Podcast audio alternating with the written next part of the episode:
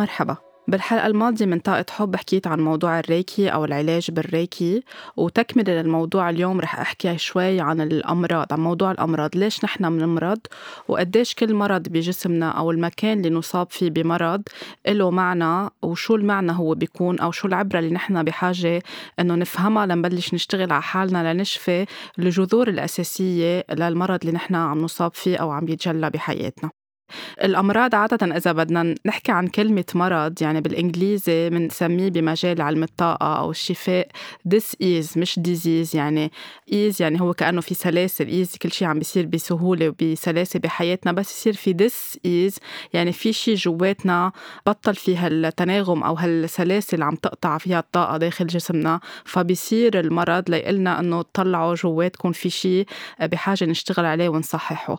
كمان حتى باللغة الفرنسية كلمة مالادي هي مال أدير إذا بدنا يعني اللي بيعرف باللغة الفرنسية إذا بدنا نقسمها للكلمة يعني في شيء ما عم نقدر نقوله أو نعبر عنه بيقعد جواتنا بنخليه جواتنا عن قصد أو مش عن قصد لأنه وقت ما بنكون بنعرف إنه كيف نطلعها لهيدي العواطف أو لهالمشاعر فبتضلها جواتنا وبصير جسمنا يعطينا إنذارات صغيرة وإذا ما سمعنا له بيتحول لمرض وكمان بيكون المرض هون عم بيساعدنا مش ليكون عم بيقصصنا بل بل لنطلع لجواتنا أكتر وأكتر. وإذا بدنا نحكي عنها بال بالعربي كنت عم جرب هيك لاقي تفسير هيك بالمعجم عن جد شو يعني كلمة مرض. هي كل ما خرج بالكائن الحي عن حد الصحة والاعتدال. يعني كل شيء بطل في اعتدال جواتنا بمشاعرنا بعواطفنا بأفكارنا. كدسنا كتير أشياء جواتنا وما عم نطلعها ما عم نعبرها لا بالحكي لا آه، إنه نقعد مع هالعواطف لنقول أو نعترف إنه في مشكلة أو في شيء عم نقطع فيه بحياتنا. وين بده يروحوا كل هول؟ بده يقعدوا جواتنا والطاقة بتصير عم تكبر أكثر وأكثر وعم تتراكم وعم تختنق بالتالي بيصير في مثل بلوكج يعني بتبطل الطاقة عم تقطع صح؟ وبتصير عم تتحول بمكان معين أماكن معينة بجسمنا بركبة بالدينة بالعين بالظهر. لأنه كمان في عبرة لكل آه، عضو من أعضاء أجسامنا ليش عم نصاب بهيدا المرض بهيدا المكان تحديداً؟ فنحن وقتها بننصاب بالمرض بيكون في جسمنا عم بيشجعنا على الكوميونيكيشن على إنه نرجع نتواصل معه ونحكي مع حالنا ونطلع هيدا الشيء لبرا. عادة بنروح دغري عند الطبيب أو بنلجأ ل... لنعمل فحوصات لنعرف هيدا المرض من وين جاي. أكيد الفحوصات الطبية والطبيب وال... بيساعدونا العملية الجراحية أوقات بيكون في داعي ليكون في عملية جراحية أو لأخذ ادويه هيدا كله أكيد بيساعد وبيكون عم بيكمل مش معناتها نحن بدنا نتخلى عن كل هيدا الشيء ولكن بموازاة العلاج الطبي اللي نحن عم نعمله. كتير مهم نفهم ليش نحن أصبنا بهيدا المرض ليش بهيدا الوقت تحديدا ليش بهيدي المنطقة بجسمنا وشو جسمنا عم بجرب يتواصل معنا ويقلنا. وقت نكون عم نرجع لجذور المشكلة هيدا اللي بيخلي العلاج يكون فعال أكتر بنكون مثل ما بيقولوا عم نشيل المشكلة من جذورها. مش بس عم نسكت بالدواء لأنه في أشخاص كتير بتاخد دواء بعد فترة بيرجع بيعاود المرض عندها أو بيرجع بيعاود الألم. فنحن بدنا نكون عم نشتغل بشكل نغطي الموضوع بكامله من كل الميلات لنفهم شو اللي عم بيصير جواتنا. وهيدا الشيء بخلينا فعليا آخرة النهار نتشكر هيدا المرض اللي طلع لأنه عم بيصحح لنا المسار بحياتنا أو عم بيذكرنا إنه نطلع جواتنا وهو بيكون نعمة يعني هو بيكون مثل شيء عم بيصير معنا ليقلنا صلحوا هيدا الموضوع لتقدروا تكفوا حياتكم بطريقة آه، مرتاحة أكتر بطريقة سلسة أكتر. أوقات ما بنسمع لجسمنا. منطنش يعني منحس زلعيمنا شوي عم يرجعونا بنقول يلا بسيطة. بيرجع بتقوى بيقوى الدوز أكتر بيقوى بيقوى أكتر. آخر شيء يصير معنا التهاب بزلاعيبنا أو يختفي صوتنا أو يصير أي شيء بهالمنطقة بجسمنا. وأوقات بيصير أكبر من هيك بكتير يعني الأشخاص اللي بيوصلوا لمرض كتير كبير وبيصير هون خوف وقلق وخوف من الموت وكل هالأشياء بتصير عم تتكاثر جواتنا وبأفكارنا. لما نوصل لهالمرحلة لازم على طول ننتبه جسمنا شو عم بيقلنا. أول إنذار بنحسه يعني بنسميه ريد فلاج بيكون هيك عم بيعطينا جسمنا إنه جربوا فهموا شو اللي عم بيصير. ليش وجعوني زلعيمي ليش وجعوني ديني ليش حسيت بغصة ببطني أو بمعدتي؟ ليش لمع ظهري؟ آه ليه حسيت فجأة هيك في غشاوة على عيوني؟ ما نغض النظر عن هيدي الأشياء نرجع لجواتنا ونجرب نعرف أكتر. شو الشيء اللي أنا ما بدي أطلع عليه لوجعوني عيوني؟ شو الشيء اللي ما بدي أسمعه لوجعوني دينيي هلأ رح أحكي بإيجاز عن تقريبا كل محل بجسمنا أو كل مكان بجسمنا شو رمزيته شو بيعني. أكيد إذا بدي أحكي عن كل أعضاء جسمنا بالتفصيل وعن كل الأمراض بدنا حلقات كتيرة. جربت إنه شوي أحكي عن الأشياء الأساسية وأكيد على طول بنصحكم إنكم تقروا أكثر عن هذا الموضوع إذا عندكم أسئلة أكيد فيكم تسألوني. فعلى طول نطلع أي مرض حوالينا أو حدا بعائلتنا عم بيصاب بمرض معين آه، نسأله شو عم بيصير بحياته أو شو كان عم بيصير بحياته أول ما بلش يطلع هيدا المرض. هيدا السؤال اللي على طول بسأله للأشخاص اللي بيجوا يعملوا ريكي أو يستشيروني. شو كان عم بيصير بهيدي المرحلة؟ أو بنرجع أكثر للطفولة أو بنرجع أشياء وقت حتى وقت كانت والدتهم حامل فيهم يعني حسب كل حالة وكل قصة. وبناخد الموضوع من هون بنبلش تدريجيا نفكفك المشاعر نحكي عنها نعبر عنها وكمان الأفكار المحدودة لأنه أوقات المرض هو عبارة عن بليف معتقد صاير قاعد باللاوعي أو بالعقل الباطني. بيجي من شيء كمان عشناه نحن وصغار وفهمناه على ذوقنا أو ركبناه كمعتقد وعلى أساسه بنصير عم نمرض أو عم نتألم بالحياة. في آه، مثل الأشخاص اللي بيقولوا إنه نحن عنا بالعائله هيدا المرض وبصيروا عم بيرددوه جيل ورا جيل جيل ورا جيل لتصيروا بالآخر يعطوا يعني عم بيمرضوا فعليا بهيدا المرض ليعطوا مثل آه، إثبات إنه نحن بالعائله عنا مرض القلب أو نحن بالعائله عنا آه، سكري أو عنا ما بعرف حسب يعني الامراض عديدة وكتيره بدنا نوقف نقولها لهيدي الشغلة لأنه هلأ بس تروحوا عند الطبيب بيطلب منكم سجل العيلة أو شو في أمراض بالعيلة شي طبيعي ليفهم شو اللي عم بيصير. بس كمان وقت نوقف نكرر هيدي الجملة بنكون نحن عم نتحمل يعني نحن عم نعطي الإرادة الحرة تبعولنا أنه مش إذا بالعيلة في هول الأمراض لازم أنا أنصاب فيها. وفينا بالعلاج بالطاقة نبلش ننظف المعتقدات اللي عم بتخلي الأشياء تتوارثت ووصلت لعنا وقعدت جواتنا.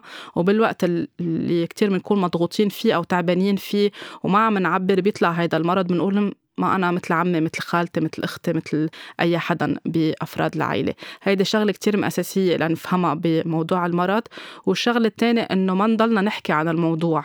يعني مثل هلأ بفترة كوفيد في كتير عالم صار معها كوفيد قد ما حكيت عن الموضوع ضلت خايفة إنه ما بدي يصير ما بدي يصير. لقيت حالها آخر شيء انصابت بكوفيد 19 لأنه كل شيء بنخاف منه بنجذبه لعنه. وإذا عم نحكي عنه كل الوقت أكيد بطاقة وبكلمات وبذبذبات منا عالية ومنا مرتفعة بخوف. وبقلق وبانهيار من الداخل بنرجع نجذب هيدي الأشياء لعنا. وفي حال انجذبت لعنا هون بيكون كمان في عبرة إنه نشتغل على الخوف اللي جواتنا نشتغل على القلق اللي جواتنا ونفهم شو كانت العبرة ليش انصبنا بكوفيد أو بغير كوفيد أو بأي مرض لشو نصلح نحن جواتنا.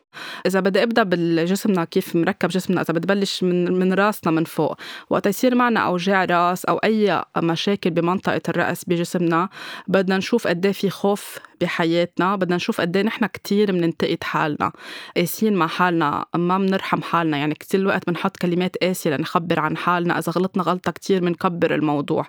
يعني ال self criticism إذا كل الوقت عم ننتقد حالنا رح يكون عم ببين في قصص أوجاع بمنطقة آه، الرأس. إذا ما بنعطي قيمة لحالنا يعني ما بنعبر عن حالنا إنه نحن عنا validation أو نحن ممتازين أو نحن كاملين أو نحن آه، شاطرين بالشيء اللي عم نعمله. كل وقت عم ننفي نحن شو عنا براعه وشطارة بحياتنا كمان في يكون هيدا الشيء عم يتسبب بأوجاع أو بأمراض بحوالي منطقة الرأس.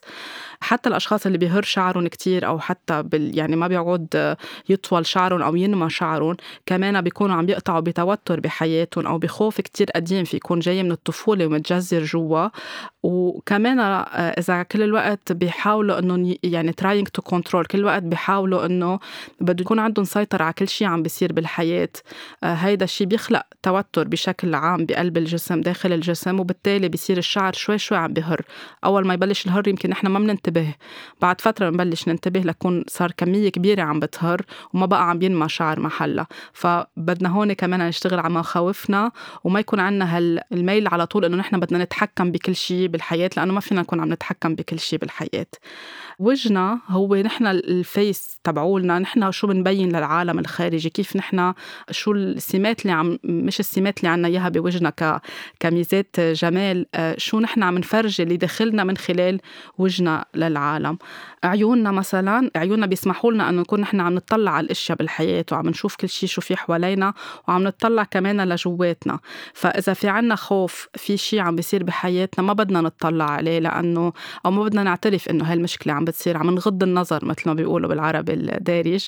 بنلاقي إنه بعد فترة بلش يصير في مشاكل بالعيون أو في ناس بيصير مع myopie أو astigmate أو يعني القصص تصنف كأمراض بالعيون أو مي الزرقاء أو أي إصابة فجأة بغبشوا عيونهم بصير في حساسية بالعين بتحمر العين بصيروا عم يبكوا كتير عم بيكروا دموعهم يعني كل وحدة كمان من هول إلها معنى بس بشكل عام وقت يصير أي شيء بعيوننا بدنا نسأل الشخص شو عم بيصير وخايف تطلع عليه أو خايف تعترف فيه إنه في في مشكلة عم بتصير معنا بالحياة.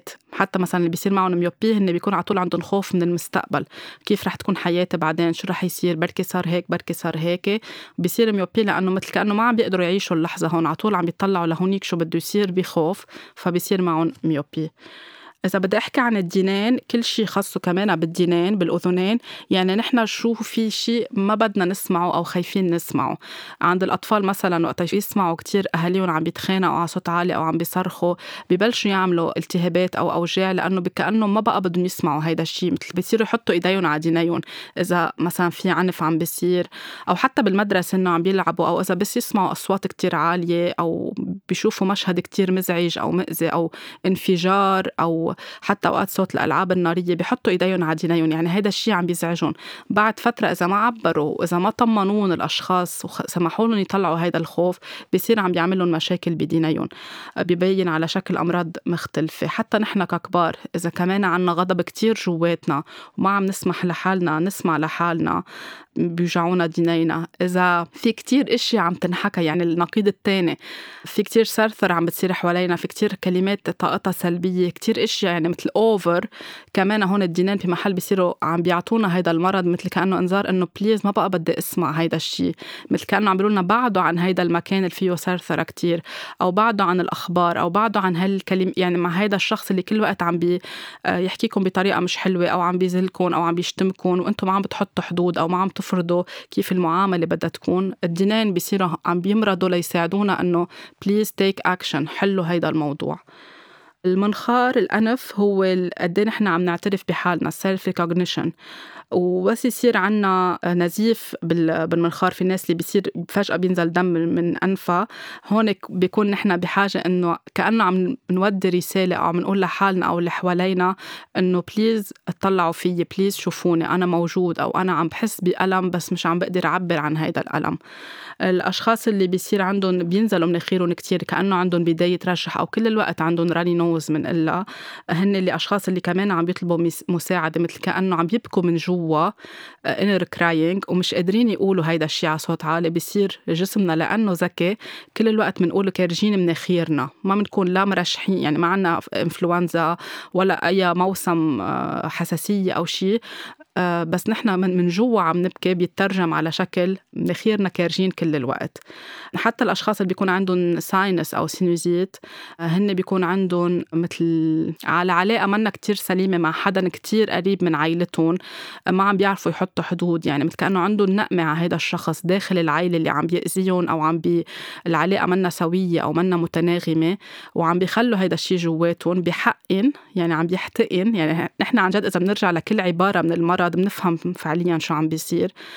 بحقن هيدا الشيء جواتنا. هالمشاعر بتتحول ل sinus واللي هي بتعمل وجع راس و... وإلها آثار كتير مزعجة للشخص اللي عم بيعاني منها. حتى الأشخاص اللي بيسكروا مناخيرهم كتير يعني stuffy nose آه، هن اللي آه، ما عم بيقدروا يعترفوا ما عم بيقدروا حالهم. يعني ما عم بيقولوا آه، يعرفوا قيمتهم الداخلية من جوا وقد إيه هن عندهم قصص حلوة بحياتهم. كل وقت يعني بينكروا أو ما بيعترفوا قد إيه هن مهمين وقد إيه هن كفؤين من جوا. ما بيقدروا حالهم. على طول أخذين حالهم for granted أو بيحكوا عن حالهم بطريقة منا فيها تقدير. كمان بيصير المناخير عم بيسكروا مثل كأنه ما عم بيقطع النفس لأنه نحن ما عم نعترف بحالنا. وقت عم نعترف بحالنا عم نتنفس عم نسمح للنفس يقطع. فبيصيروا عم بيسكروا للمناخير ليقولوا لنا رجعوا تنفسوا رجعوا اسمحوا لحالكم إنكم تكونوا موجودين إنه يقطع تقطع الحياة فيكم وتكونوا أنتم عم بتشعوا بالحياة. هيدي كمان شغلة كتير مهمة إنه نعرفها. الزلاعيم يعني الحنجرة هي الثروت شاكرا يعني اللي كتير كمان صرنا حاكيين فيها بحلقات عديدة. هي وقت يكون في كتير أشياء آه، غضب. ما عم نقدر نعبر عنه. عم نحس بهذا الغضب بس عم منخليه جواتنا. يعني مثل واحد بيقول بلع الغضب تبعوله خليتهم جواتي. أو بلا ما أحكي هلأ إذا حدا بيسألكم شو بكون بتكونوا كتير معصبين أو تعبانين خليني ساكتة. أو بلا ما أحكي هلأ. لا أحكوا وطلعوا شو بكم لأنه إذا عم بتخلوهم جوا عم تأذوا حالكم يعني في ناس بتعتمد اللي بنسميه silent treatment أو ما بدي أحكي شو بني لعاقب الشخص الثاني إن كان بنتي أو ابني أو أمي أو بيي أو زوجي أو شريك حياتي لهو يعرف يحس بالذنب ويحس أنا شو بني. هيدي الطريقة ما بتنفع لأنه بتاذيه له للشخص الثاني وبتأذينا نحن بالدرجة الأولى لأنه عم بيتكدسوا جواتنا خاصة إذا هيدا الشيء بيتكرر على طول. بنلاقي صار عنا ألم بالحنجرة بيطلع ك التهابات بيطلع كمشاكل آه، وجع زلعيم سعلة قوية. في ناس بتكون بدها تحكي شيء أو بدها تعطي رأيها ما بتعطي رأيها. بنلاقي إنه راح صوتها من كترة الخوف إنها تعطي رأيها لأن ما تعودت إنه عندها الحرية والمساحة إنها تكون عم بتعبر عن رأيها. حتى كمان وقت ما ينسمع يعني ما ينسمح لنا نحكي من نحن وصغار مثل كأنه ما إلنا وجود أو ما عنا صوت أو مين أنتوا لتحكوا أو ما حدا طلب رأيكم هيدا في كمان على كبر يعمل أمراض غدة اللي هي كمان حول هيدي المنطقة من جسمنا على الثروت شاكرا آه، مثل كأنه عم من جوا عم نقول إنه أنا أمتين بيجي دوري بالحياة لأحكي ولعبر وإذا بنصير عم نعيد هيدا السيناريو براسنا وبالعقل الباطني نحن عم نكبر بنلاقي على عمر معين بلش يصير عنا أمراض خاصة بالغدة. الفم عنا هو قد إيه نحن عم نقبل إنه ناخد أفكار جديدة ونعبر. يعني نحن من خلال تمنا عم ناخد أكل ونفوت لجوا وعم نحكي ونطلع أفكار وعم نقبل الشخص الآخر شو بيقلنا أو شو ما بيقلنا أو عم نقبل أو ما عم نقبل. فكل شيء بيزعجنا وما منعبر عنه بنتركه يفوت لجواتنا ومنقعده جوا رح يطلع على أمراض بمنطقة التم جو يعني كان كان حبوب على الشفة إن كان جوا بقلب التم حساسية حبوب وجع آه، التهابات يعني في شيء نحن ما عم نقدر نعطي رأينا ما عم نغذي حالنا كمان بكلمات حلوة. إذا عم نحكي عن حالنا بطريقة مش حلوة كيف نحن بناكل الأكل وبنستلذ فيه وبنتغذى يعني نحن نورشمنت عم نفوت شيء حلو على جواتنا. كمان شو بنسمع وشو بناخد وشو بنقبل نفوت آه، من الآخرين على جسمنا من حكي ونحن كيف بنحكي مع حالنا هيدا بيأثر على منطقة الفم. أو كيف أكيد بنعبر عن أفكارنا إذا عم نحكيهم بغضب وصريخ كل الوقت أو عم نحكيهم بطريقة فيها حب ومحبة أكتر. يعني فينا نكون عم نعبر عن رأينا ونحط حدود للشخص التاني بس إذا كل الوقت نحن عايشين بصريخ صريخ صريخ هيدي رح تأذي منطقة الفم. حتى الأشخاص اللي بيكون عندهم رائحة فم كريهة كل الوقت أو منا حلوة أكيد بيروحوا بيعملوا فحوصات وبيشوفوا إذا في مشاكل بالغدد وفي لها عدة أسباب يعني بمجال الطب. بس كمان إذا بدنا نحكي بعلم الطاقة الرائحة منا كتير حلوة بتكون بالفم اللي على طول بتستمر مش لأنه اليوم الشخص ما نظف مشرب مي ما نظف اللثة عنده ما نظف أسنانه. إذا كانت على طول على طول معناتها في غضب وفي ميل للانتقام جوات الشخص مثل كأنه عم بيلوم الدنيا كلها وكل وقت بده ينتقم. من شيء صار معه بس ما عم بيعبر بتتحول لرائحة منا حلوة داخل الفم. الأشخاص اللي بيصير عندهم تأتأة أو لعثمة بالحكي إن كانوا صغار أو فجأة بتصير على كبر. بكتير أشخاص بتصير معهم على كبر فجأة أو عند الولد الصغير بدنا نشوف قد إيه هن عم بحسوا بالأمان لأن هي معناتها انعدام الأمان قد إيه عم بيعبروا عن حالهم ومسمح لهم يبكوا. لأنه الولد الصغير اللي بيصير فجأة عم بيتأتئ بدنا نشوف هل عم ينسمح له يبكي وقت أو وقت عم يبكي عم بينقمع أو عم نقول له اوعى تبكي أو لا ما بتبكي أو أنت شاطر ما لازم تبكي أو الصبي ما بيبكي أو شو عملنا لك هلأ لا تبكي أو الموضوع ما بده هالقد يعني عم نقمع له هالمشاعر جوا. بيصير آه، عم بيحكي هو خايف ومتردد بيصير عم بيتأتئ وطبعا أكيد بتجي من قصص خاصة ب يعني كيف إذا انرعب الولد إذا خاف إذا قطع بتروما معينة كمان ما عبر عنها ونقز نقزة كتير قوية بصير عم يتلعثم بالحكي. عند الكبار كمان إذا في شيء خايفين ومترددين نحن كيف عم نقوله؟ بتخلق نوع من التأتأة الأسنان هي مرتبطة بكل شيء خاصه بالقرارات قد إيه نحن بنسمح لحالنا وبنوثق بحالنا إنه في أخذ قرار أو عنا تردد. كل ما يكون عنا تردد وما عم نطلب مساعدة أو ما عم نوثق بحالنا كفاية بصير عنا مشاكل بسناننا وبراسنا. الرقبة أو العنق هي مرتبطة بالفلكسبيليتي أو بالمرونة. نحن إذا بنطلع على رقبتنا هي بتبرم هي اللي بتسمح لنا نبرم راسنا شمال ويمين أو لفوق أو لتحت يعني هيدا الشيء عنا مرونة بالعضلات بهيدي المنطقة اللي بتخلينا نحرك رقبتنا كل الوقت. بس يصير في مشاكل بالرقبة ديسك أو في ناس بتوعى بتحس حالها مصنجة إنه ما عم في حرك رقبتي. يمكن لأنه نمت على المخدة مش منيحة أو يمكن لأنه أخذت صفقة هواء في يكونوا هول العوامل اللي فعليا عن جد هن اللي صاروا أو غيرنا فرشة خفينا على الصوفة كل الليل أو على يعني ما كانت نومتنا مريحة. بس إذا بدنا نتعمق أكثر حتى ليه صار هيدا الشيء لأنه بتكون آه، رقبتنا عم بتقلنا وجسمنا عم بيقلنا يكون أكثر مرنين مع حالنا من جوا مرنين مع الآخرين. إذا كتير عنا نوع من العناد إنه رأينا بس هو اللي بيمشي أو كتير قاسيين على حالنا. يعني في شيء ممكن نخفف ضغط على حالنا ونكون أكثر مرنين ونقبل إنه ما عليه إذا اليوم هيدي الشغلة صارت بهيدي الطريقة. ما عليه إذا خففت ضغط عن حالي ما عليه إذا طلبت مساعدة. هيدا الشيء بخلي على طول رقبتنا مرتاحة. بس إذا كل الوقت شادين وما في مرونة ورأينا هو بس اللي بده يمشي بدنا نشوف شو عم بيصير برقبتنا. حتى كمان الرقبة هي وقت نكون ما بدنا نسمع رأي الآخر أو ما بدنا نشوف شو عم بيصير. نحن وقت نبرم رقبتنا شمال ويمين يعني نحن عم نطلع شو عم بيصير شمال ويمين. وقت ما نقبل رأي الآخر كل الوقت ونحن اللي معنا حق وما نقدر شوي نعطي مجال إنه خلينا نسمع الرأي الآخر خلينا هالفكرة اللي تعلمناها نحن كل حياتنا. بركي في شيء كان غلط بهذا الشيء اللي تعلمناه بركي فينا ننفتح على فكرة جديدة. إذا كمان رافضين هيدا الشيء هون بيخلق لنا انعدام مرونة وبالتالي بتصير رقبتنا مشدودة كل الوقت. أو بنصنج أو بنحس إنه في عنا صفقة هواء أو تتطور بتصير تتحول لديسك. الكتاف هو بيمثل نحن إذا بدنا نطلع على كتافنا هو اللي بيعطينا الشعور بإنه نحن مدعومين. فوقت يصير عندنا أوجاع بالكتفين أو بواحد من الكتافين بدنا نشوف قد إيه نحن عم نحمل حالنا فوق طاقتنا. لأنه كتافنا هو اللي حامل هالمنطقة اللي حملت لنا حاملة راسنا واللي جسمنا كلنا متكل عليها.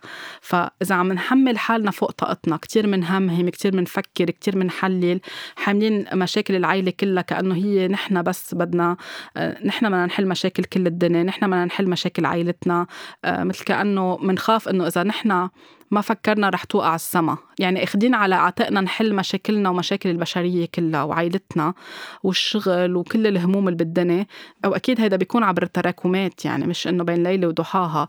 إذا كل حياتنا هيك أخدين مسؤولية كتير كبيرة بالعائلة وما عم نطلب مساعدة. أوقات فينا نقول إنه عن جد ما في أعمل هيدي الخدمة أو ما في أقوم بهيدي الوظيفة. إن كان بالشغل بالعائلة بالعلاقة بحياتنا بيصيروا ببلشوا يتعبوا الكتاف مرة ورا مرة سنة ورا سنة وفجأة بيصير عنا أوجاع مؤلمة أوقات بيقولوا لها أوجاع مزمنة بالكتف. هي مش مزمنة لأنه ما بتروح هي مزمنة لأنه تراكمت كل هالمشاعر وقعدت على منطقة الكتاف. حتى الأشخاص اللي بيحسوا حالهم صار عندهم نوع من ال... تغير وضعية الكتاف يعني طابين أكتر لقدام. بيكون هون عن جد وصلوا لمرحلة حاسين حالهم hopeless من جوا أو helpless يعني. فقدوا الأمل وبعدهم عم بيزيدوا ضغوطات وأحمال وأعباء على حياتهم. فبصير الجسم ما بقى قادر يحمل بنلاقي إنه طب لقدام يعني عمل مثل مش حردبة يعني آه، صارت ال posture إذا الشخص واقف بنلاقي إنه كتافه منهم جالسين طابين عاملين مثل هيك round صغيرة لقدام وبتصير عم بتزيد مع الوقت ومع العمر. أوقات بنشوفها عن الكبار بالسن مش لأنه هن عم بيكبروا لأنه كل حياتهم محملين حالهم فوق طاقتهم وما طلبوا مساعدة وحاسين إنه خلص أنا ما عندي أمل بقى وما في حدا يساعدني بس ما بدي أطلب مساعدة بيترجم بأوجاع وبمرض على هيدا الشكل. بالنسبة لمنطقة الظهر مقسمة كمان ثلاث أقسام وكتير أشخاص مؤخرا أو بالسنوات الأخيرة عندها أوجاع ظهر بيقولوا إنه لأنه عم نقعد كتير لأنه ما عم نتحرك ما عم نعمل رياضة آه، حياتنا كلها صارت سهلة ما في حركة مثل أيام زمان. كمان عم ننام غلط القعدة على الكمبيوتر قدام الشاشة قدام التي في. هول أكيد كلهم بيلعبوا دور كتير أساسي. كمان بدنا نطلع أعمق من هيك ونشوف ال upper back يعني منطقة الظهر العالي فوق اللي تحت الكتاف بشوي. هي وقت ما يكون عنا دعم عاطفي قوي بالحياة. إذا كل الوقت حاسين حالنا إنه نحن مش محبوبين ونحن عم نعمل كل شيء لحالنا وما في حدا عم بيعطينا هال support أو هالدعم أو مثل كأنه هيك مسكنا من ورا. كيف بيقولوا إنه حدا who has our back يعني حدا مهدينا من ورا وفقدنا إيماننا بالناس اللي حوالينا فقدنا إيماننا بالخالق حسينا إنه عن جد نحن لحالنا بهالدنيا وما بدنا نرجع نسترجع الثقة إنه لا نحن مش لحالنا. في على طول حدا يدعمنا والخالق داعمنا وفينا نطلب مساعدة ما نعمل كل شيء لحالنا بصير بيتر بتترجم على شكل أوجاع بالمنطقة العليا من الظهر. فيها تكون تشنج فيها تكون ديسك بالفقرات اللي بهيدي المنطقة من الظهر. فيها تكون أوجاع مختلفة أو التهابات بهيدي المنطقة. فمن هيك وقت بدنا نحلها مش بس بالدواء مش بس بالعملية الجراحية مش بس بالجلسات العلاج الفيزيائي بدنا نروح لجوا لجوا لنشوف إذا نحن عن جد عم نطلب مساعدة عم نحس حالنا محبوبين أو ما نحبينا بحياتنا وكيف فينا نصلح هيدا الموضوع أو هالمعتقدات اللي جواتنا. المنطقة الوسطى من الظهر هي بتمثل الذنب وكأنه نحن علقانين. علقانين بمحل معين حاسين كتير بالذنب لأشياء صارت بحياتنا و stuck in the middle يعني علقانين بنص الطريق مش عارفين نتحرك لهيك ولا هيك وكمان ما عم نطلب مساعدة أو ما عم نعبر عن هيدي الأشياء. وأوقات بنحس إنه مثل كأنه بدنا نقول بالإنجليزي get off my back يعني مثل كأنه شيلوا لي هيدا الشيء عن ظهري أو في حمل كتير على ظهري بهاي المنطقة بدي أخلص منه. أوقات بيكون نتيجة أشخاص بحياتنا كتير عاملين لنا تقل ومش عم نعرف نحط حدود ونصحح العلاقة أو نخرج من هيدي العلاقة. أوقات بالشغل الشغل أوقات قصص متراكمة من أيام الطفولة أكيد. المنطقة السفلى من الظهر يعني على آخر ظهرنا اللي قريبة شوي كمان على ال root chakra هي ال lower back أو اللي بيصير معهم سياتيكا ألام بهيدي المنطقة هي اللي بيكون عندهم نوع من الخوف من ال... يصير معهم مشاكل مادية أو حاسين بانعدام أمان على مستوى المصاري والأموال حاسين حالهم على طول عندهم خوف ما يكون في مصاري أو عم بيقطعوا بأزمة مادية تغير شيء بشغلهم كانوا. عايشين بروتين معين أو بثبات معين تغير كل شيء ونقلوا على الجهة الثانية أو في خوف كل الوقت نتيجة المعتقدات الخاطئة بالعيلة حول موضوع المصاري إنه على طول ما في مصاري ما في رزق ما في خير بيتمثل بأوجاع بهيدي المنطقة. فوقت يصير هيدا الشيء بدنا نرجع نصحح المعتقدات نعمل مصالحة مع آه، نظرتنا للمصاري ونطلب نطلب مساعدة لأنه آه، نشوف كيف أي شخص في يساعدنا لنكون عم نلاقي شغل جديد مش نحط على حالنا أنه أنا ما في أطلب مساعدة وأنا عارفة هذا الشخص في يساعدني ليعمل push لطلب الوظيفة اللي أنا عم بقدمه أو أطلب مساعدة أوقات مادية من أفراد عائلتي لأنه ما بدي أحط على حالي أطلب مساعدة هون يكون عم يعني موضوع الإيجو عم يشتغل وعم نزيد pressure وعم نزيد ضغط على هيدي المنطقة وما عم تتصلح علاقتنا بالمصاري. فبيتحول لهيدا لوجع أو إصابات بتصير بهيدي المنطقة من الظهر.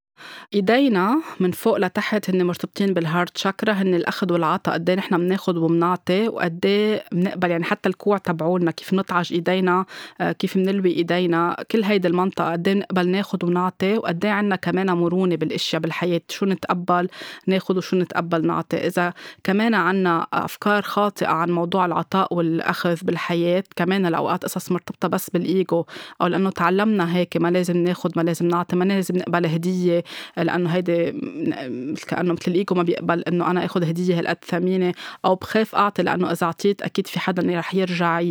لأنه ناتجه عن معتقد إنه إذا أنا أعطيت كثير في حدا رح يرجع يطعني أو رح يرجع ما يقدر هيدا الشيء اللي عم بعطيه أو في ناس بتخاف تعطي لأنه بركي الناس أخذت هيدي المعلومات منا وسرقتها فكل هيدا الشيء بيترجم بمشاكل بإيدينا قد إيه نحن هي الابيليتي أو القدرة على إنه نحرك إذا بتتعجوا إيديكم كيف عم أنتم تاخذوا وتعطوا قد إيه كمان تاخذوا وتعطوا بالحكي وبالمناقشة بالتواصل مع الآخرين. فبتتحول إذا كمان تراكمت عبر السنين بتتحول لاوجاع بهيدي المنطقة بالجسم.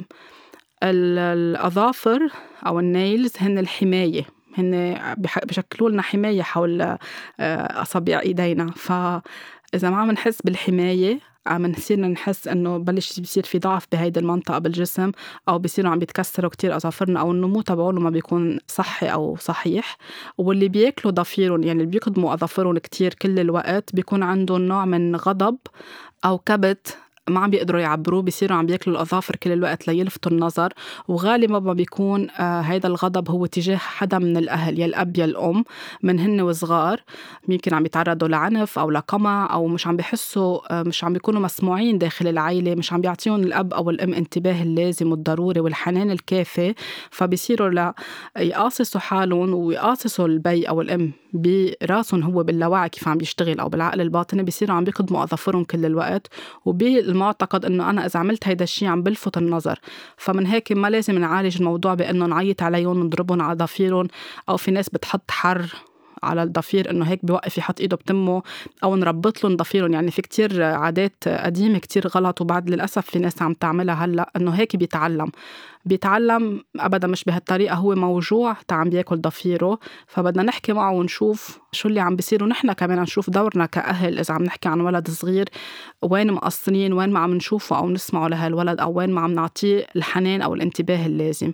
وإذا كفت على كبر وصار الشخص راشد لأن بنلاقي كتير أشخاص كبار بياكلوا ضفيرهم آه كمان بدنا نرجع معهم للطفولة شو اللي عم بيصير. أو بالأحرى شو اللي كان عم بيصير بفترة الطفولة وتراكم وتراكم وكبر لوصل لهيدي المرحلة.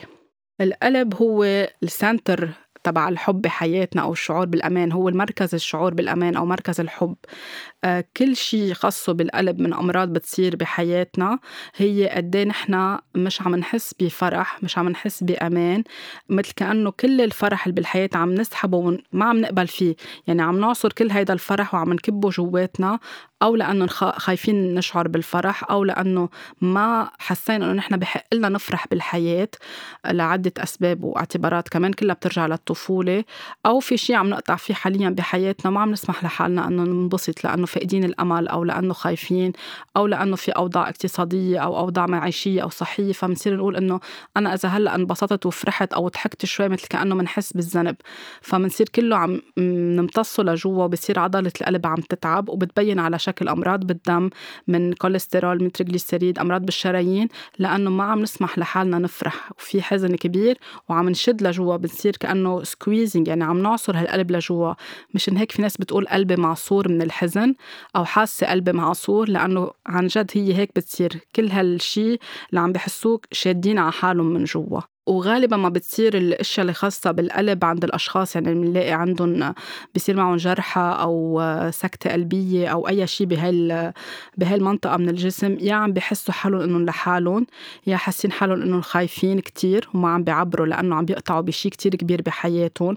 أوقات بيكون خاصة بمنصب أو بموضوع مادي كتير كتير بيكونوا عم بيشتغلوا كل حياتهم مجايرين كل الطاقة بس ليكونوا عم بيحققوا منصب معين أو اسم معين. معين أو تايتل معين أو رقم معين بالبنك فكل حياتهم وجهدهم بس منصب على هيدا الشيء عم بينسوا ينبسطوا عم بينسوا يعيشوا باللحظة. ففجأة بنلاقي رجل مثلا بعمر معين فجأة ما كان بو شيء بيقولوا العالم عمل سكتة قلبية أو صار معه جرحى. فبدنا نشوف كيف كانت حياته كيف وتيرة حياته اليومية وقد إيه عم بيسمح لحاله يعيش مش بس شغله حياته هي شغل. كمان قد إيه بيعبر عن القلق إذا عم بيعيش ب تحديات أو بنقلات نوعية بشغله ما عم بيعبر وحاسس إنه المسؤولية علي أنا إنه جيب مصاري على بيتي وعيش عائلتي وما غير لهم مستوى العيشة تبعولهم. كله عم بيعملوا هذا الشيء لحاله واخده على عاتقه. أكيد كله عم بيقعد جوا بمنطقة القلب. وقتها ما نكون حاسين حالنا إنه نحن اناف أو نحن كاملين ومتكاملين أو شو ما عملنا نحن غير كفؤين بالحياة. إذا كل الوقت براسنا عم نشتغل على يعني كل الوقت وتيره حياتنا stress stress كل الوقت. هالقلب اللي عم بيضخ نفس ودم في محل بده يتعب. يعني مثل كأنه كابسين كبسة شغالة كل الوقت ما عم نرتاح ما عم نتنفس صح بده يتعب القلب. وطبعا إذا ما بنعبر وما بنحكي أحزاننا إن كان نساء أو رجال رح تضلها جوا رح تتحول لأمراض بالقلب. الروايا حكينا عنهم كتير وقت حكينا عن كوفيد وحكينا بحلقات سابقة بس رح أرجع أذكر الروايا هي المحل اللي بخلينا نتنفس. إذا بنشوف شكل الرية كيف هي مثل غصون الشجرة مثل شكل الشجرة كيف عم تتنفس. فكل ما نحن يكون عنا حزن قديم يكون عنا نوع من المرارة ما بنسمح لحالنا نعيش الحزن. يعني عم نقطع بحالة وفاة بالعيلة حدا مقرب منا عم نقطع بديبريشن اكتئاب ما عم نقبل ناخد النفس تبع الحقيقة ما عم نقبل نفوت أكسجين لجوا بالوقت كل وقت عم نفوت أفكار وعبارات وعم نعيد أفكار فيها هيك مثل كأنه سموم أو ذبذبات كتير منخفضة براسنا عم تقعد بمنطقة الرواية. إذا ما بنسمح لحالنا نحزن إنه أنا اليوم عن جد حزين وبدي أعمل فترة الحداد تبعولي على علاقة على شخص فقدته على شغل على شي بحياتي عم بيصير. كل وقت عم نخليهم جوا بيعبوا بالرواية وبالتالي بيصير في مثل اللي بيقولوا صار عبوا الرواية عنده مي. بدنا نشوف المي هي مشاعر وعواطف. بدنا نشوف قد إيه كان عم بيترك أشياء جواته تتفاقم تتراكم لحد الرواية ما بقى قادرة تاخد نفس وعبتهم على شكل صار في سوائل كتير بقلب الرية. مثل اللي بيدخنوا كتير أغلبية الأشخاص بتدخن أو لأنه صارت عادة أو لأنه بدخن لأنسى أو السيجارة بتساعدني لأنسى الهموم. نحن ما بدنا نستعمل السيجارة لننسى الهموم نحن بدنا نحكي بهيدا الهموم ونعبرها بالطريقة الصح ونعترف إنه في مشكلة ما بنعود بحاجة للسيجارة أو للأرجيلة. فوقت يصير في مشاكل بالرئة بسبب الدخان أو بسبب التدخين لأنه نحن عم نترك القصص جواتنا وعم نستعمل هالطريقة اللي هي فيها كلها سموم إنه هي المتنفس الوحيد لإلنا. فكمان هون بدنا ننتبه على هيدا الموضوع. الحرقة اللي بتصير على باب المعدة هي الخوف. في ناس بتقول عندها على طول حرقة إلا بالإنجليزي heartburn اللي هي لأنه قريبة من يعني بين المعدة والقلب. فبيكون في كتير خوف بيصير الشخص يصير عنده حرقة أو بيوعى بالليل عنده حرقة قوية. وبحس كل هالمنطقة من صدره نار وشعلانة أكيد في أنواع أدوية في أشخاص بياخدوها. في ناس بتروح للعلاجات الطبيعية بالأعشاب أو بأنواع أكل معينة لتخفف هالحرقة أو بتصحح طريقة نومتها أو ما بتاكل بوقت متأخر دغري بتفوت على التخت. هول أكيد بيلعبوا دور كتير مهم وأساسي. بس كمان بدنا نشوف بالمقابل قد إيه في خوف بحياتنا. وبس بلشت الحرقة شو كان عم بيصير. إذا بنتذكر قطعنا بشي كتير بخوف. بلعنا هذا الخوف الخوف أو تركناه جواتنا بصير عم بيترجم لحرقة مزمنة. كل شي خاصه بمنطقة المعدة والمصارين وال solar plexus هو له علاقة بالخوف له علاقة قد إيه نحن عم نهضم الأفكار اللي عم نسمعها. مثل ما أوقات بنقول إنه أخذت أكل ما هضمت الأكل. بدي راجع هيدا الأكل أو بدي طلعهم من جسمي لو شو ما كانت الطريقة. نفس الشيء وقتها نسمع أفكار ما نهضمها لهيدي الأفكار لأنها كتير تقيلة لأنها كتير منا حلوة لانها منا حقيقية خاصة إذا حدا عم بيحكي عم بيوجه لنا حديث منه حلو. منصير عم نحس ب عم تلعي نفسنا أو بدنا نراجع الأكل أو في شيء كنا معزومين على عزيمة غدا أو عشاء وصار في حديث منه حلو أبدا أو صار في هجوم علينا أو حكينا بمواضيع منا ما قبلناها أو حدا باجتماع شغل قالنا شيء كتير ما قدرنا نتقبله دغري بنقول إنه بنحس يعني بالعربي الدرج بيقولوا معدتي مثل كأنه قبطت معدتي أو حسيت بشك بالمعدة أو حسيت في شيء جواتني شد. حتى في ناس بتقول إنه حدا من عائلتي مثلا صار معهم حادث وهن بمنطقة تانية أو بمحل تاني أو ببلد تاني حسيت بشي شد بمعدتي بعدين بيعرفوا إنه حدا من ناس كتير بحبوه أو قراب لهم صار معهم شي. لأنه نحن بهالمنطقة اللي كتير قوية بجسمنا كمصدر طاقة بنقدر نحس. مشان هيك بنقول listen to your gut يعني مثل كأنه الجات هن المصارين يعني منحس بالاشياء من جوا ومنسمعها من جوا. فمشان هيك كتير مهم شو منفوت أكل على هيدي المنطقة شو منفوت أفكار شو بنحكي شو بنتنفس كل هيدا بتكون عم عم تلعب دور أساسي آه، بحياتنا. قد بنخاف من الأشياء الجديدة. في كتير أشخاص بتكون عم تقطع بمرحلة جديدة بحياتها وخايفة. إذا ما عم تقدر تستوعبها صح أو تتقبلها ببلش يصير عندها مشاكل مختلفة بمنطقة المعدة والمصارين. إذا بنحس بدنا نراجع الأكل أو بدنا نستفرغ يعني مثل كأنه نحن بنعمل ريجكشن لفكرة معينة أو لشيء خبرة أو شيء قطعنا فيه حادثة معينة ما قدرنا أنه عن جد نقدر نقبلها بدها تطلع من الجسم وهي أحسن أنها تطلع ونعبر ليش نحن انزعجنا أو خفنا. بس يصير في استفراغ يعني في ريجكشن كتير قوية لشي نحن قطعنا فيه آه، أو سمعناه أو خفنا وكمان ما عبرنا عنه. الجسم كتير ذكي. اللي بيصير عندهم حالة إسهال آه، بيكونوا كمان عم بحسوا بخوف أو عم بيهربوا من يعني قد ما خافوا والجسم لأنه ذكي وما عم بيقدروا يقولوا إنه أنا اليوم خايف من هالمسؤولية أو خايف من الحالة اللي عم بقطع فيها أو خايف من اجتماع عمل عندي اياه كثير مهم. فجأة بيحسوا بهيدا النهار بيوعوا عندهم إسهال أو قبل ما يستحق الموعد اللي بدهم يحكوا فيه أو بده يقدموا بروجكت معين بصير عندهم حالة إسهال لأنه في كمية خوف بالجسم. آخر شيء ما بقى قادرين يعملوا سيطرة بدها تطلع بهيدي الطريقة. فمشان هيك على طول احكوا وقولوا إذا خايفين اطلبوا دعم. يعني لو يعني ما تحسوا إنه إذا قلت لحدا إنه أنا خايف وعندي اجتماع اليوم بس أنا آه، بمنصب معين أو أنا كل العائله بتعرف إنه أنا كتير قوي أو كتير قوية. هلأ بدي إجي لهم إني خايفه شو رح يقولوا عني. لا بالعكس ما تخلون جواتكم اطلبوا مساعدة من حدا بالعائله أو من صديق أو من اختصاصي قولوا عبروا عن هذا الخوف لتروحوا على الاجتماع أو على النقله الجديدة من حياتكم أنتم مرتاحين. حتى الأولاد الصغار بس يصير عندهم إسهال بدنا نشوف كمان مش بس شو أكلوا اذا أخذوا سقعة بدنا نشوف شو كانوا الأم والبي عم بيحكوا بالمدرسة شو سمعوا صار شي حواليهم حسسهم بخوف وما عبروه. فبصير في إسهال أوقات بيطول يومين وثلاثه هن منيح اللي عم بيطلعوا. يعني نحن تصير في إسهال بنقول كتير منيح لأنه الجسم عم بينظف. بس وقت الطول وما نعالجها وبس نسكتها بالادويه بدنا أكثر ننتبه شو عم بيصير بحياة هالطفل أو هالراشد. العكس الإسهال اللي بيصير عندهم حالة كتام كتير قوية بدنا نشوف قد إيه هن holding on يعني متمسكين بأشياء ورافضين يعملوا لاتينج رافضين يحرروا هالمشاعر الثقيله اللي قاعدة جواتهم. فيها تكون قديمه وفيها تكون آه، شعور بالذنب أو شعور آه، يعني شعور بالذنب كتير قديم قاعد جواتهم وعم بيكرروه. كل يوم بيعيدوا نفس السيناريو براسهم فبصير يعني شادين كل الوقت. بالتالي المصارين شادة أعصاب المعدة شادة ما رح يقدروا يكون عندهم آه، حالة خروج للحمام طبيعية مثل الأيام العادية. حتى الكتام لها علاقة كمان بنجرب نسأل الشخص قد إيه عنده بخل أو بخاف يعطي إن كان كعواطف أو كمصاري أو كمال.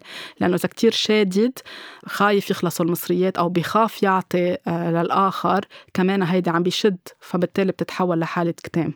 كل شيء خاصه بطحال هو مرتبط بالهوس أو بالاوبسيشن يعني أي شيء نحن عم بيصير بحياتنا وكثير عنا هوس فيه لهذا الموضوع. بنضلنا نعيد الفكرة براسنا أو عنا شيء خلص صبين كل اهتمامنا عليه وصار عنا هوس فيه بشكل destructive مدمر. مش شيء يعني مش إنه في شيء بنحبه أو عنا passion لأنه بنهتم فيه كثير إذا عم بتروح على بطريقة مدمرة ببلش يصير عنا مشاكل بمنطقة الطحال بجسمنا. اللي بيصير عندهم غازات كتير كمان بيقولوا إنه اخذنا سقعة أو أكلنا ما بعرف أنواع أكل بتعمل غازات حبوب أو في أنواع خضرة بتعمل غازات. أكيد فيها تكون بتعمل غازات آه، إذا أكلناها بسرعة إذا ما لعوسنا منيح ما مضغنا الأكل إذا كنا كتير عم نحكي نحن عم ناكل عم بفوت هواء على الجسم. هيدا كله بيسبب غازات. بس كمان وقت تصير على طول بدنا نشوف قد إيه في أفكار منا مهضومة داخل الجسم. نحن ليه بنعمل غازات إذا أكلنا فاصوليا أو إذا أكلنا بروكولي أو قرنبيط لأنه فيهم شيء كمان عم بيأثر على المصارين جوا. وفي أوقات عم عم نمضغ الأكل بكتير سرعة يعني ما عم آه نعطيه مجال للجسم يلحق يهضم. أو وقت ناكل حيلا اكل بسرعة أو على الواقف أو نشرب كتير مي نحن عم ناكل المصارين ما بيعودوا يلحقوا يفهموا شو اللي عم بيصير جواتهم. أو ناكل وقت مأخر بالليل أو ناكل دغري نفوت آه نعمل شغل بيتطلب آه مجهود ذهني. فبنحس كل الوقت عنا هيدا الشعور إنه بدنا نتجشأ أو في شيء مش هاضمينه. بنصير عم نروح لمشروبات غازية لتساعدنا بالهضم.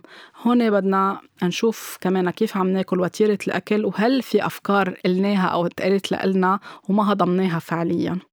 الكبد هو له علاقة بالغضب. كل الأمراض الخاصة بالكبد بدنا نشوف هذا الشخص قد إيه غضبان بحياته قد إيه في غضب متراكم من أيام الطفولة أو حاليا عم بيصير بحياته ما عم بيعبر عنه. أو إذا كل الوقت بحس حاله الشخص إنه أنا مني منيح حاسس حاسس بالسوء كل الوقت. وفي عنده طريقة زن مزمنة يعني كل وقت بنق بنق بنق أو بتنق وما بيعبره. يعني بس بده يشوفوا الأشياء السلبية بالحياة. كل هيدا الشيء بيقعد بمنطقة الكبد. المرارة كل شيء خاصه كمان بالمرارة هو بدنا نرجع للمرورة. قد إيه في شخص عم بحس بمرورة بحياته بمرارة. عفوا. يعني أفكار كتير آه، قاسية عن حاله أو عن الآخرين. كل الوقت عم يحكوا مع الآخرين. كل الوقت قاشي على الناس كلها منا منيح. أشخاص منهم منيح ما بيتمنوا لي الخير. أشخاص مزعجين بحياتي أو بعائلتي أو برفقتي. فكل وقت في نية سيئة أو في هيك شعور كتير قاسي جوا. يمكن لأنه تعرضوا لجرح كبير وصار عندهم نية سيئة تجاه كل العالم. أو لأنه عايشين مع أشخاص أذيوهن وما صار في مصالحة فبيتحولوا لمرارة وبيقعدوا جوا بالمرارة وبيعملوا. أوقات بيصير في التهاب أو بيقولوا حدا فجرت المرارة ببطنه أو ببطنها أو عملوا لهم يعني لحقوهم دغري على المستشفى. يعني تخيلوا قد إيه في build up لهال قد إيه كانت عم تتصاعد هالمشاعر وما عبرها الشخص لانفجرت المرارة بداخل بطنه. البنكرياس داخل كمان منطقة الجهاز الهضمي هو قد نحن بنحكي بطريقة حلوة مع حالنا بطريقة سويت أو طيوبة مع حالنا. إذا كمان بنقسى على حالنا بيتخربط مستوى السكري بالجسم وبتصير منطقة البنكرياس عم تتأثر. بنحكي مع حالنا بقساوة بنحكي مع حالنا بقساوة أو كان نحن وصغار بيحكوا معنا بطريقة قاسية وكله هيدا الشيء عم بيتراكم بده يقعد بهيدي المنطقة بالجسم. البواسير كمان اللي بيعانوا من البواسير هي كمان غضب كتير قوي. آه، متراكم وكتير يعني مثل كأنه غضب خصه بالماضي وما عم نقدر نتخلى عنه. يعني holding on كتير متمسكين فيه وغضبانين كل الوقت. لا بدنا نحكي ولا بدنا نعبر ولا بدنا نواجه الشخص اللي عم بيسبب لنا هالغضب ولا بدنا نتواجه مع الشيء اللي سبب لنا الغضب من نحن وصغار أو حاليا. بيتحول بيقعد بالجسم وبصير بيتحول لبواسير اللي هن كتير بيوجعوا كتير بيتسببوا أوقات بنزيف لعند الشخص لأنه نزيف خاصه بالغضب. منطقة الرحم عند السيدات هي اللي بنسميها بالإنجليزي الهوم أوف كرياتيفيتي يعني هي المكان اللي آه، فيه ببلش الخلق والإبداع. طبعا بالرحم نحن بنحمل الحياة بينما الولد وبيكبر هيدي المنطقة هي كمان اللي بت محل ما بيصير في الإباضة محل ما بيصير كل شيء خاصه بالحياة يعني بالخلق وبالحياة. وكمان على المستوى الرمزي كل شيء نحن بدنا نحلم فيه بدنا نحققه بدنا نعمل له تجلي يعني visualization و manifestation بنكون عم نشتغل على هيدا الشيء بالتنفس أو بال meditation تبعولنا على هيدي المنطقة بالجسم على ال sacral chakra لأنه من هونيك ببلش كل الخلق والإبداع. حتى عند الرجل يعني نحن لو الرجل ما عنده رحم بالمعنى الفيزيولوجي بس كمان بنسميها ال womb chakra يعني هالمنطقه من هونيك كمان عند الرجل ببلش الخلق على ال sacral chakra كمان بس يصير في أوجاع حوالي هيدي المنطقة بالجسم بدنا نشوف قديش شخص آه، متصالح مع حاله عم بيسمح لحاله إنه يبدع عم بيسمح لحاله ينجح بالحياة أو حاطط كل مواهبه على جنب عايش بالظل آه، ما عم بيقبل ينجح بالحياة لأنه خايف لأنه في معتقدات كتير متراكمة. أكياس المي اللي بتطلع على المبيض عند السيدات لها علاقة بجروحات قديمة قاعدة جوا أو عم بيصير تغذيتها بطريقة سلبية إنه نضلنا عم نحكي عنها وبنرفض إنه نحلها. لها علاقة كمان يعني بنضلنا نعيد براسنا نفس السيناريو نفس الفكرة اللي وجعتنا اللي جرحتنا. هي جاية نتيجة تروما نتيجة تحرش جنسي نتيجة علاقتنا الجنسية مع الشريك تبعونا اللي مش مرتاحين فيها بس كمان عم نقبلها كلها عم تتراكم وعم تقعد بهيدي المنطقة بالجسم. السيدات اللي بيصير عندهم ألم خلال العلاقة الجنسية كمان هون بدنا نشوف كيف انشرح لهم موضوع العلاقة الجنسية كيف التربية الجنسية كيف كانت من هن وصغار قد إيه بيحسوا بتصالح قد إيه بيسمحوا لحالهم إنه يحسوا بال بيسمحوا لحالهم يعترفوا إنه عندهم رغبة جنسية بيسمحوا لحالهم يستلذوا بالعلاقة الجنسية. ما مش بيسكروا على الموضوع مش بيخافوا مش لأنه تم ترهيبهم هن وصغار. قد إيه العلاقة سوية مع مع الشريك مع الرجل بحياتهم؟ لأنه إذا في نقمة على الأب إذا في نقمة على الأخ إذا في نقمة على الزوج. يعني كل شيء بيمثل ال masculine بنصير كل الوقت كرهانين الرجل فبالتالي وقت بده يصير في علاقة جنسية. بتحس المرأة بنوع من وجع من نوع من بتشنج. كله بدنا نرجع نشوف شو هي صاير معها بحياتها بحياتها كفتاة من هي وصغيرة. هي عم تكبر ومفهوم العلاقة الجنسية والرغبة الجنسية وال sexuality بحياتها كيف كبرت وكيف نميت يعني. كل شيء خاصه بمنطقة المبولة أو الالتهابات اللي بتصير بالبول أو بهيدي المنطقة بالجسم عند الرجل وعند المرأة. بدنا نشوف الشخص من شو حاسس كل الوقت بنقول بالإنجليزي pissed uh, off يعني كل وقت ضايق خلقه uh, منه مرتاح منه منه طايق شيء uh, مزعوج من كتير أشياء عم بتصير بحياته ما عم بيعبر عنها بتتحول لمشاكل بهيدي المنطقة بالجسم. إذا كانت عند المرأة كمان بدنا نشوف إذا عندها التهابات بهيدي المنطقة بالجسم الجسم كمان كيف علاقتها مع زوجها؟ هل هن بعلاقة منيحة متناغمة ولا في نقمة في ملامة كل الوقت للرجل أو للزوج؟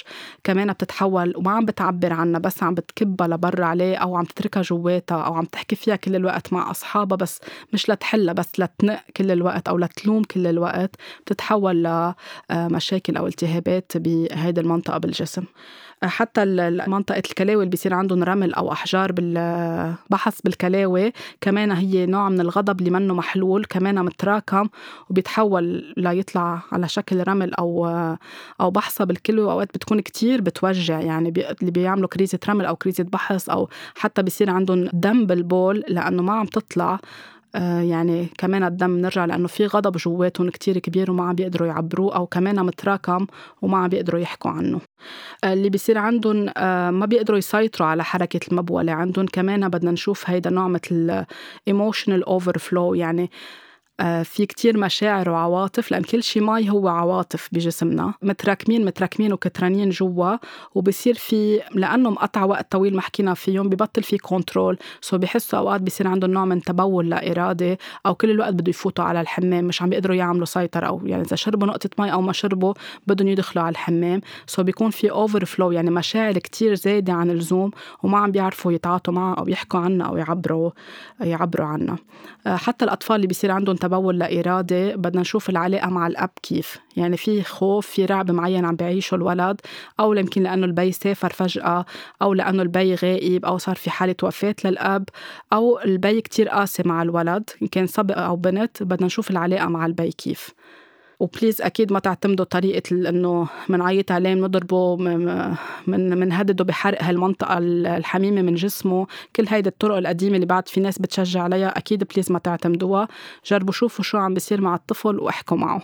لو حتى عمره 9 و10 سنين أو 11 سنة وما تخلوه يخجل من هيدا الموضوع لأنه اوريدي رح يحكم على حاله رح يقسى على حاله خاصة إذا بيروح على المدرسة وبيصير معه حالة تبول لا ارادي ما تحسسوه إنه هو هيدا شيء غلط أو عيب عم بيعمله بالعكس احتضنوه وإحكوا معه ليبلش يطلع هالخوف اللي حاسه لبرا. الأشخاص اللي بصير عندهم تك بنسميها يعني خصله معينة مثلا بهزوا كتير أو بحركوا إيديهم أو وجههم أو عيونهم أو رقبتهم بطريقة متواصلة كل الوقت. هيدي كمان ناتجة عن خوف أو معتقد إنه بخاف الأشخاص تشوفني أو تطلع فيي لأنه يمكن هن وصغار صاير معهم شيء ما بدهم ال attention فبصيروا هن عم يعملوا هيدا الشيء لياخذوا ال attention فهي كمان بدنا نرجع شو صاير بطفولة الشخص. كل شيء خاصه بمنطقة ال root chakra إذا بدنا نحكي ال hip يعني الورك هو المركز محل ما نحن اللي بيساعدنا نحرك جسمنا أو الجرافيتي أو نقطة الجاذبية بجسمنا.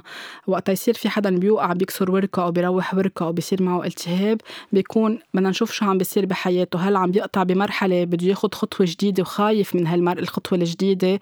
خايف من التغيير خايف من شغل جديد خايف من آه من المجهول لأنه في شيء عم نقطع فيه بركي مش عارفين شو شو ناطر صرنا بعدين بنلاقي تفركشوا وقعوا كسروا وركن مش عن عبس لأنه آه، قد ما حاسين بهالخوف وما عم بيحكوا فيه بصير هالكسر مثل كأنه الجسم عم بيقول لهم عم بياخذ الانتباه تبعولن إنه احكوا بهيدا اللي مخوفكم. وقت نكسر الورك مثل كأنه ما بقى قادرين نمشي. وي كان نوت موف فورورد بالتالي بلا ما نعمل هيدا التغيير. فهيك بنكون يا المعتقد براسنا بالعقل الباطني خليني وقف حالي أو بيكون الكسر عم بيساعدنا ننتبه إنه نحل المشكلة ونقبل إنه في تغيير بالحياة ونطلب مساعدة لنعيش هذا التغيير بطريقة صحيحة وسليمة. كمان حتى الإجرين يعني كل شيء خاصه بالإجرين هو moving forward قد إيه عم نسمح لحالنا نمشي لقدام. إذا خايفين من المستقبل خايفين من كل المراحل اللي جاية بنلاقي كمان صار في إصابات معينة بإجرينا. إذا محطوط علينا كتير توقعات فوق اللازم ونحن ما عم نقول لحق للآخرين إنه ماني قادر أعمل هيدا الشيء متكلين علينا لنعمل هالإنجاز الكبير ونحن عن جد مضغوطين كتير. بنلاقي إنه صار في كمان حدا كسر إجره أو تفركش يعني صار في إصابات بالرجلين أو بالقدمين. والركب مرتبطة بالإيجو تبعولنا. يعني نحن قد إيه إذا كثير عنا إيجو عالي الإيجو الغير سليم مش الإيجو اللي بخلينا نعترف بحالنا. بنلاقي آه وقعنا يعني مثل واحد بيقول وقع على ركبه هو مثل كأنه الحياة أو جسمه عم بيقول له إنه تواضع شوي خلي يكون عندك آه حط إجريك على الأرض ما نكون عم نشوف حالنا على الآخرين ما عم نحكم على الآخرين بفوقية أو عم نذل الاخرين أو ما بنقبل الأشياء لأنه عنا إيجو كتير عالي. بصير في إصابات بالركب للحياه ترجع تردنا شوي أكثر على الأرض ونطلع على الأشياء بطريقة كتير مختلفة. وحتى وقت ما نقبل إنه ناخذ الأشياء يعني إذا حدا عم بيعطينا ما عم نقبل ندخل الأشياء الحلوة على على حياتنا كمان منطقة الركب عنا بتكون عم تتأثر. وإذا ما عم نعترف بحالنا وما عم نقدر حالنا يعني لا مطلوب يكون الإيجو مدمر ولا مطلوب إنه ابدا ما نعترف بحالنا. إذا كمان ابدا ما عم نعترف بحالنا كمان رح نحس بأوجاع بركبنا. آه، منطقة الكاحل بالقدمين هي كمان إحساس بالذنب أو آه، انعدام مرونة. إذا كمان ما عنا مثل الرقبة آه، ومثل الإيدين. إذا كتير بنحس بالذنب وابدا ما عنا مرونة بحياتنا بنقسى على حالنا. مثل الأشخاص اللي كتير بيعملوا تدريب اوقات اوفر على حالهم. يعني بصير عندهم إصابة بيقول لهم الطبيب بدكم توقفوا هيدي المرحلة ما تتدربوا لترتاحوا. بس بحسوا إنه عندهم استحقاق أو الفريق الرياضي معتمد عليهم. فبضلهم ما بيريحوا حالهم وما في مرونة كتير حاكمين على حالهم انه نحن اللي بدنا نوصل الشخص أو الفريق للنجاح أو بدي وصل عائلتي للنجاح بصير في إصابات بالكاحل. الروماتيزم أو الأرترايتس اللي بيصير بأصابع اليد هو كمان لأنه كتير منقسى على حالنا. بنحكم على حالنا آه، بطريقة منلوم حالنا كل الوقت بنتوقع من حالنا على طول إنه نعطي أحسن ما عنا. وإذا شي مرة غلطنا أو قدمنا شي ما كان بصورة كتير. يعني صار فيه خطأ معين أو default معين بنصير كتير قاسيين على حالنا ومنلوم حالنا ومنحس حالنا أوقات إنه نحن ضحية. فبصير عنا مشاكل أو arthritis أو تكلس بمنطقة أصابع اليدين. أوقات بنحس حالنا إنه مش محبوبين كفاية ومشان هيك بدنا نعمل كتير للناس تحبنا. وأوقات بنكون عم نعمل هيدا الشيء out of resentment يعني إحنا مش كتير حابين هالأشخاص بعائلتنا بس بدنا نعمل زيادة لأنه بركي بحبونا فمنلاقي إنه أصابع إيدينا كتير عم توجعنا أو شريك حياتنا أو أولادنا أو أصدقائنا. البروستات نسيت أحكي عنها بس كنا عم نحكي بمنطقة الرحم عند السيدات. البروستات عند الرجل كمان هو وقت يستسلم وقت يكون عنده مخاوف كتير وقت يحط براسه إنه أنا عم بكبر بالعمر فبالتالي لازم أمرض. مش بالتالي إذا نحن كبرنا بالعمر يعني لازم نمرض. آه، فينا نكون عم نكبر وصحتنا كتير منيحة. إذا عم نهتم بصحتنا الجسدية والنفسية والمعنوية بأفكارنا وبأكلنا وبالتمارين وبكل شيء وشو عم نحكي مع حالنا ما مش بالضرورة نكون عم نمرض. فوقت يستسلم الرجل من بيخاف أو وقتها يكون ما عم بيعيش ذكورته بطريقة صحيحة مش الذكورة اللي فيها التسلط على الآخرين أو على المرأة. الذكورة بي يعني in his masculine energy بطاقة الذكورة. أو إذا زوجته أو شريكة حياته كتير قامعته أو والدته كانت قامعته بتأثر على نظرته لحاله كرجل بتتأثر هيدي المنطقة فبالتالي بيصير في إصابة بالبروستات. وأوقات بنلاقي ناس شباب أو رجال بعمر كتير صغير وصار معهم cancer بالبروستات أو بيكونوا ب 30 أو بال 40 بالعمر. كمان بدنا نشوف نظرتهم لحاله نظرتهم للرجوله أو يعني الذكورة طاقة الذكورة مش الرجولة. ما حدا ياخذها بالمعنى السلبي. آه، قد إيه كمان بيخافوا إنه يكون عندهم استمرارية أو بيكون عندهم إنجاب أو بيكون عندهم الحياة عم بتكفي من خلالهم. فكل هول بدنا ناخذهم بعين الاعتبار. كل شيء خاصه بالعظم هو هو الصلابة تبعولنا أو هو الستراكشر أو الهيكلية تبعولنا. إذا كتير ما بنهتم بحالنا وبنحمل حالنا فوق طاقتنا بنلاقي رح يصير في عنا أمراض بالعظم بحي يعني بجسمنا وين ما كان أي منطقة من العظم بحياتنا. وبس يكون عنا آه، أوقات حتى بس يصير عنا كسر آه، بالعظم بيكون عنا بدنا نشوف قد الشخص عنده ثورة آه، على ال authority يعني كل شيء بيمثل الاوثوريتي أو السلطة إن كان الأب أو الأم أو الأستاذ بالمدرسة أو بالجامعة أو رجل الدين أو الأشخاص اللي بالدولة آه، يعني كل شيء خاص بيمثل رمزية السلطة. إذا عنا ثورة عليه واللي هي بتكون أساسا حتى الثورة على الدولة أو على النظام هي بتكون يعني ثورة على الأم والبي بس منا معبرة بطريقة صحيحة. بصير في عنا آه، كسر بالعظم. آه، كل شيء خاصه برائحة الجسم هو يعني نحن ما بنحب حالنا. مش بتناغم مع حالنا disliking ourselves أو كتير عنا آه، خوف من الآخرين. قد ما بتكبر هيدي الأشياء جواتنا بتتحول تتراكم تتحول لريحة منا حلوة عم تطلع من من جسمنا. تلولة هي قد إيه نحن بنشوف حالنا بشعين أو غير جميلين كل الوقت بصير عم يطلع لنا توليل بالجسم. الاكنه أو الحبوب اللي بتطلع حتى بمرحلة المراهقة أو بعمر الشباب أو حتى بمر يعني نحن واكبر بعمر نحن وراشدين أو راشدات. كمان هي قد إيه نحن مش حابين حالنا أو صورتنا عن جسمنا. البادي إيمج منا حلوة منا ما فيها تناغم ما فيها محبة. كمان مبنية على معتقدات شو نقلنا قلنا شكلكم مش حلو نقلنا إنه أنتم بشعين نقلنا إنه آه، جسمكم منه حلو. كل هول بنصير عم نعيدهم براسنا وما عم نطلعهم بيتحولوا لحبوب كتير كتير عم تطلع بوجهنا آه كل شيء خاصه بالدماغ هو ال brain تبعولنا هو الكمبيوتر تبع الجسم. آه مثل كأنه كيف وقت الكمبيوتر بتكونوا محملينه فوق طاقته أو اللابتوب وبيعمل سوي خلص في محل بيوقف. يا بده rest يا بده format آه خلص switch off قبلوا لكم طفوه اتركوا اعطوه مجال ليرجع أو السيارة ما عم بتدور طفوها أعطوها مجال ترتاح رجعوا دوروا السيارة. كل شيء خاصه بال electronics أو الإلكترونيات جسمنا نفس الشيء إذا عم نحمله فوق طاقته وعم نضلنا نعيد كل السيناريوهات القديمة. وما عم نلجأ للمساعدة. في محل brain بده يحس خلص بيقولوا طق راسه أو طق شي براسه. هي هي بيصير بيعمل switch off ممكن يعمل جلطة ممكن يعمل آه، آه، في ناس بتفوت كوما لتهرب من هالواقع اللي عم بتعيشه. الكوما هي الهروب من الواقع. ما بقى قادرين يتحملوا. فبيعمل shut down الجسم. بضل موجود الروح موجودة والحياة موجودة بس هن بحالة كوما. فهون كمان بدنا ننتبه لما نوصل لهالمرحلة. عطول نحكي عطول نعبر وعطول نطلب مساعدة. ال cancer كل أنواع ال cancer. هلأ أنا عددت تقريبا كل مناطق الجسم شو هي الرمزية تبعولها. بدنا نشوف بأي منطقة بالجسم عم ينصاب ال cancer لنفهم كمان أكثر شو يعني. بس هو بشكل عام هو جرح كتير عميق جواتنا. هو فيه يكون نتيجة كراهية حاملينها داخلنا لحالنا أو للآخرين. آه في يكون حزن كتير قديم ما عبرناه وتراكم وتراكم وتحول ل cancer. مثل كأنه نحن عم ناكل حالنا من جوا لأنه ما بدنا نعبر عن مشاعرنا وعن عواطفنا.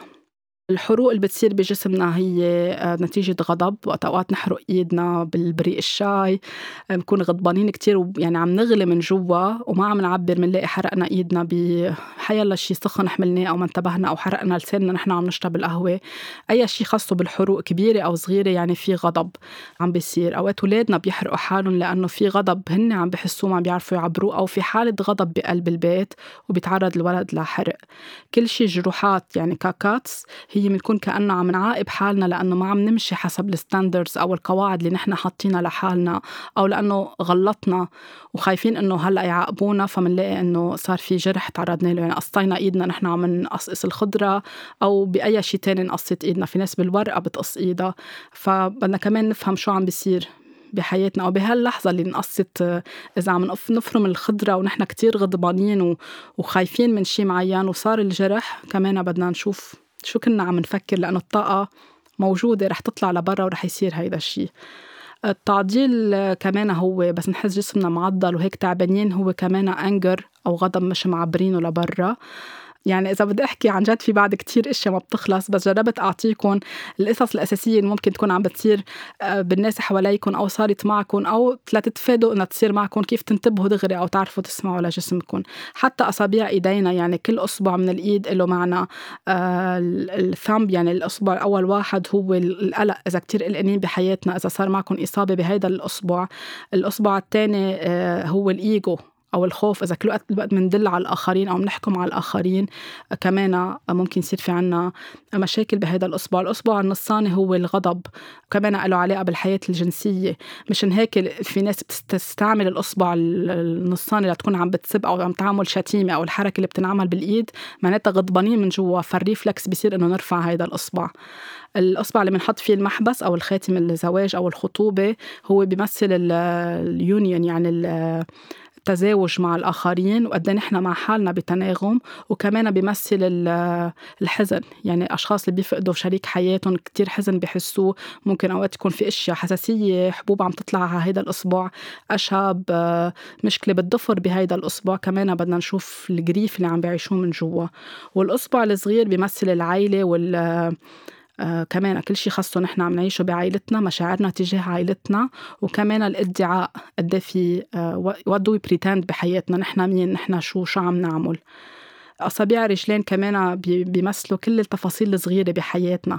آه، أوقات بنكون ماشيين بسرعة عم نطرق أصبع رجلنا بيكون جسمنا عم بياخدنا على نحن distracted كل الوقت وما عم نسمع بيكون عم بيردنا إنه ننتبه على الأشياء اللي عم بتصير وعلى التفاصيل الصغيرة بحياتنا ونسمع لجسمنا.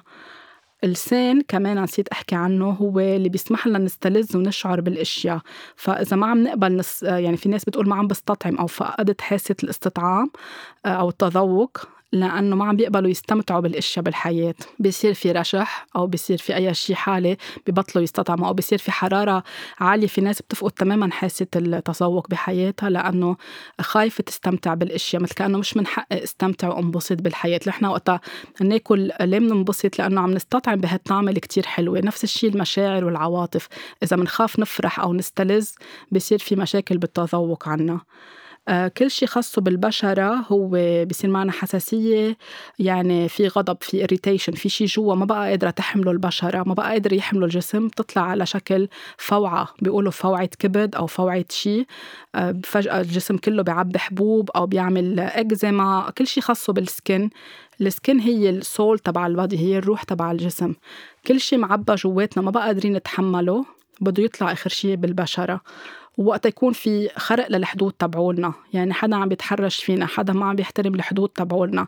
وما عم نحكي عم نعبيهم جوا جوا رح يطلعوا براش على البشرة.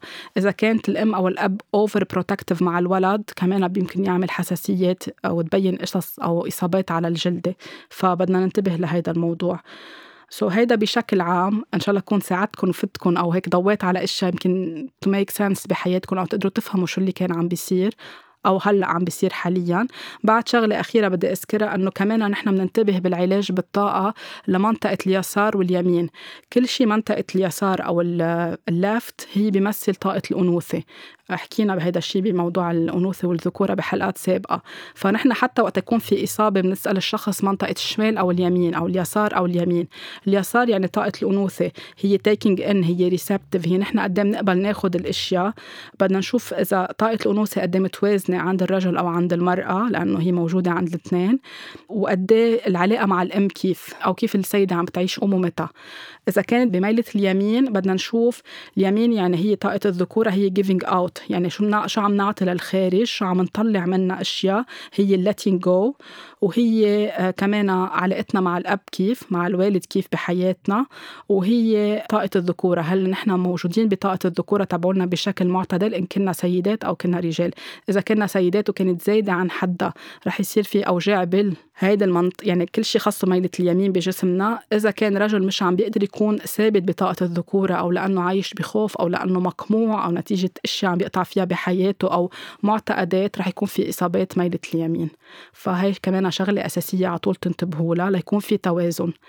الهدف آخر شيء من هيدي الحلقة إنه وقت يصير هول القصص نحن بالعلاج بالطاقه بنكون عم نشتغل على الأسباب اللي ادت ليصير في هالأمراض بالجسم أو هالعوائق بالجسم. بنكون عم نشتغل على نساعد الشخص يفهم حاله يفهم جسمه يقول شكرا لهيدا المرض لأنه ساعده إنه يفهم حاله يتصالح مع فكرة المرض يتصالح مع جسمه مع مشاعره مع عواطفه. ونرجع المرض عم بيساعدنا نرجع نحب حالنا ونقول لحالنا it's okay صار هيدا الشيء لنتائج أخطاء تربوية لشيء أنا صدقته كل حياتي لأفكار متوارثة كله فيي أرجع صلحه وابني علاقة جديدة مع حالي وحب حالي وانتبه لحالي وانتبه لل red flags يعني أول ما جسمنا يحكي معنا دغري نسمع له ما نقول إنه ماني فاضي ماني فاضية عندي شغل عندي أولاد عندي استحقاقات. جسمنا هو صحتنا وجسمنا هو الأولوية فبليز اسمعوا له. إن شاء الله تكون عن جد هيدي الحلقة فادتكم وساعدتكم وإن شاء الله على طول بتضلكم بصحة منيحة وجسمكم متوازن كنتوا سيدات أو رجال أو أطفال آه، بحياتكم تنتبهوا لهم على طول تكون صحتهم متوازنة وشو عم تحكوا أنتم وياهم وشو عم تحكوا معهم. طاقة حب مني لإلكم ولاقوني الأسبوع اللي جاي بحلقة جديدة.